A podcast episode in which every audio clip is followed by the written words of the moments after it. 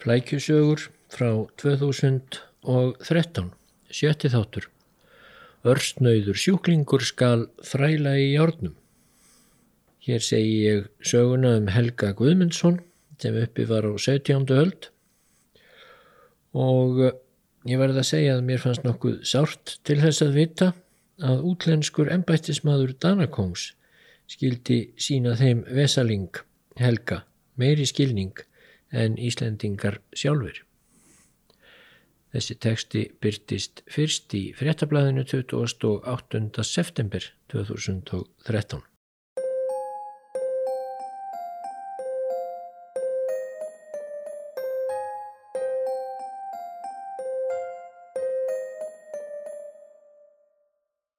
Hið milda íslenska sveitasamfélag fyrir alda þegar þjóðin var samhend og stjettlaus, allir unnu saman að velferð hvers einstaklings og hlýttu á fallega og kristilega húslestra, góðsemi, sveifi yfir vötnunum, hjálpsemi, gantast á engjum, réttlæti og fríður í baðstofunni, ekkert að óttast, nema árans dönsku kaupmennina með sitt maðkaða mjöl og dönsku embættismennina á bestastöðum sem sátuðum að kúa frjálsborna Íslendinga en þeir stóðu æ svo vel saman gegn vondu valdi frá útlöndum. Þeir voru sjálfstætt fólk. Hér kemur saga úr því samfélagi. Maður hétt Helgi og var Guðmundsson upprunninn fyrir austan fjall. Skömmu fyrir 1780 byrtist hann fyrst í heimildum, rúmlega tvítur og íllafarin af Holtzveiki sem þá var landlæg á Íslandi.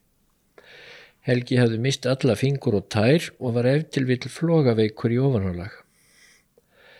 Með hvaða hætti þessi vesalingur hafði orðið til og vaksið úr grasi, það veitum við ekki.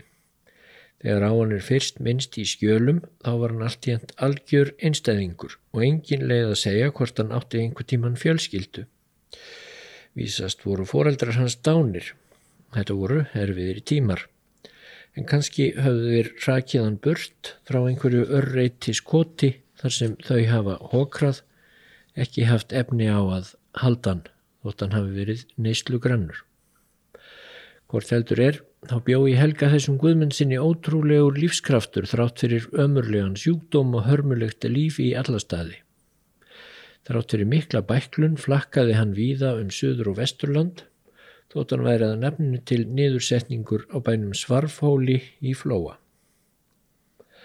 Að vera niðursetningur því deðvegna fátæktar, sjúkdóma, æsku eða elli gæt viðkomandi ekki séð fyrir sér sjálfur og var þá komin upp á sinn fæðingar hrepp. Hreppurinn sett hann þá niður á þeim bæi í sveitinni sem böðist til að taka hann að sér fyrir minnstan pening.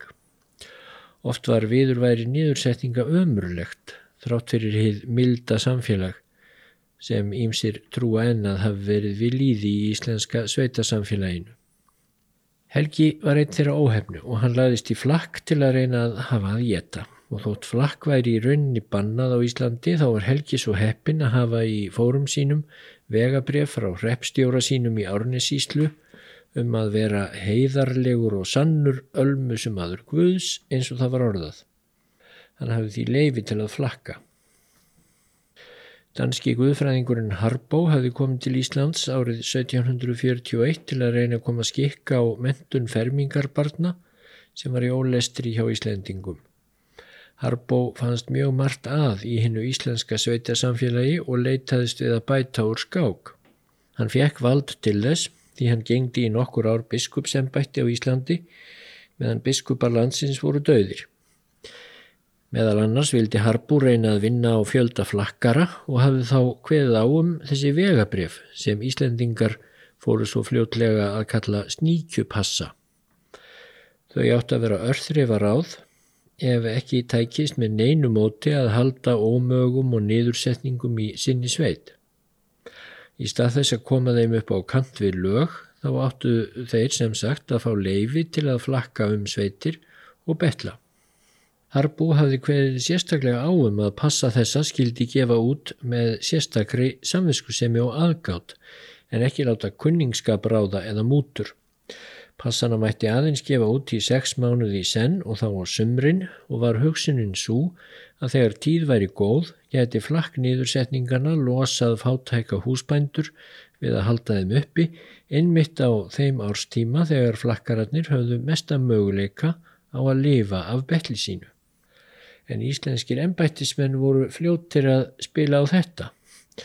Nú nokkrum áratugum eftir að Harbú var á Íslandi voru flakkarar fleiri en nokkuru sinni fyrir.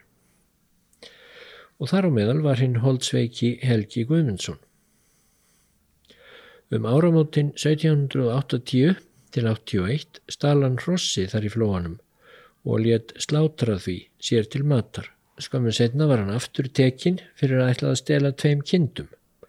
Mál hans fór nokkrar umferðir í íslenska dómskerfinu en að lokum úrskurðaði dómur undir forsæti Magnúsar Ólafssonar varalögmanns að hann skildi húðstríkjast hrottalega þrátt fyrir sjúkdómsinn og neyð og svo þrælka í járnum ævi langt í nýja fangelsinu í Reykjavík.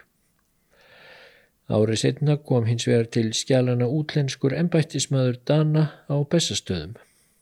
Embættismadur Dana myndi hann ekki reynast Íslendingum verst af öllum. Og nei, stiftandmaður var Laurits Tódal, raunar norskurðætt en í þjónustu Danakonungs og Tódal síndi meiri mannúð en allir þeir íslensku potentátar sem hinga til höfðu síslað með mál helga niðursetnings. Tódal taldi ekki eftir sér að skrifa sjálf um konginum um málið og má efast um að kongur hafi nokkru sinni fengið bref um jafn lítilmótlegan þegn sinn. Tódal kannadist raunar þegar við Helga sem oft hafi betlað á bestastöðum saði hann Helga vera umgunnarverðan spítalamat og lifandi hræ og taldi hann dæmi um vaksandi tilneyingu íslenskara hreppstjóra og síslumanna til að koma af sér erfiðum ómögum, munadarlausum börnum, gamalmennum, bækluðum og útlifiðum mönnum með því að senda þetta fólk á vergang með betlipassa í stað þess að sjá fyrir því samkvæmt íslenskum lögum og tilskipunum konungs. Í sumum síslum séu 100 til 120 lögverndaðir betlarar af þessu tægi. Fjöldin sé slíkur að þeir svelti oft heilu hungri og vristist því til þjófnaða. En íslenski repstjórar og síslumenn dæmið á þá vægðar löst í tukthús til að losna við á af framfæri sínu. Þessu jafnvel dæmi að repstjórar og bændur með ómaga á framfæri sínu sveltið á vísvitandi til að þeir neyðist til að stela sér til matar og þá sé hægt að fangelsa þá. Margir drengir á aldrinum 15 til 17 ára hafi verið dæmdir í tukthús að undanförnu en hafi í rauninni engin heimili átt, þeir hafi verið hungraður og máttfarnir og jafnvel brjóstveikir og með kuldabólgu. Þrýr slíkir hafi loknast út af af vesaldómi og örbyrð á innan við einu ári. Sú sísla sem harkalegast gangi fram í að ákjæra og reka af höndum sér þurvalinga sé árnisísla, segir Tótal, og sé komin tími til að konungur taki þær í taumana. Þá átaldi hann íslenska dómara fyrir að hafi ekki tekið fram að Helgi hafi stólið vegna hungurs og í held hafi verið óhæfa að þessi bæklaði maður væri dæmdur til að erfiða í hjárnum í töktúsi. Framfæslu sveitans og sísla hafi korki útvegað honum fastan samastað, nýja séð honum fyrir lífsviðurværi og því í raun þvingað hann til að stela. Tótal lagði að lokum til að Helgi skildi hýttur fyrir þjófnaðina, svo mikið sem veikur líka með hans kynni að geta þólað, þar að segja ekki neitt, en síðan verði hreppans og síslu skipað að útvega honum blífanlegan samastað þar sem séð verði fyrir nöðsynjum hans samkvæmt lögum og verði hann aftur sekur um þjófnað þá skuli hann enn hýttur en húsbændur hans þó um leið sektaðir fyrir vannrækslu. Að tarna var mildilega á máli tekið og öðruvísi en ætla mætti með að við sögurnar um kúaranna útlensku á bestastöðum.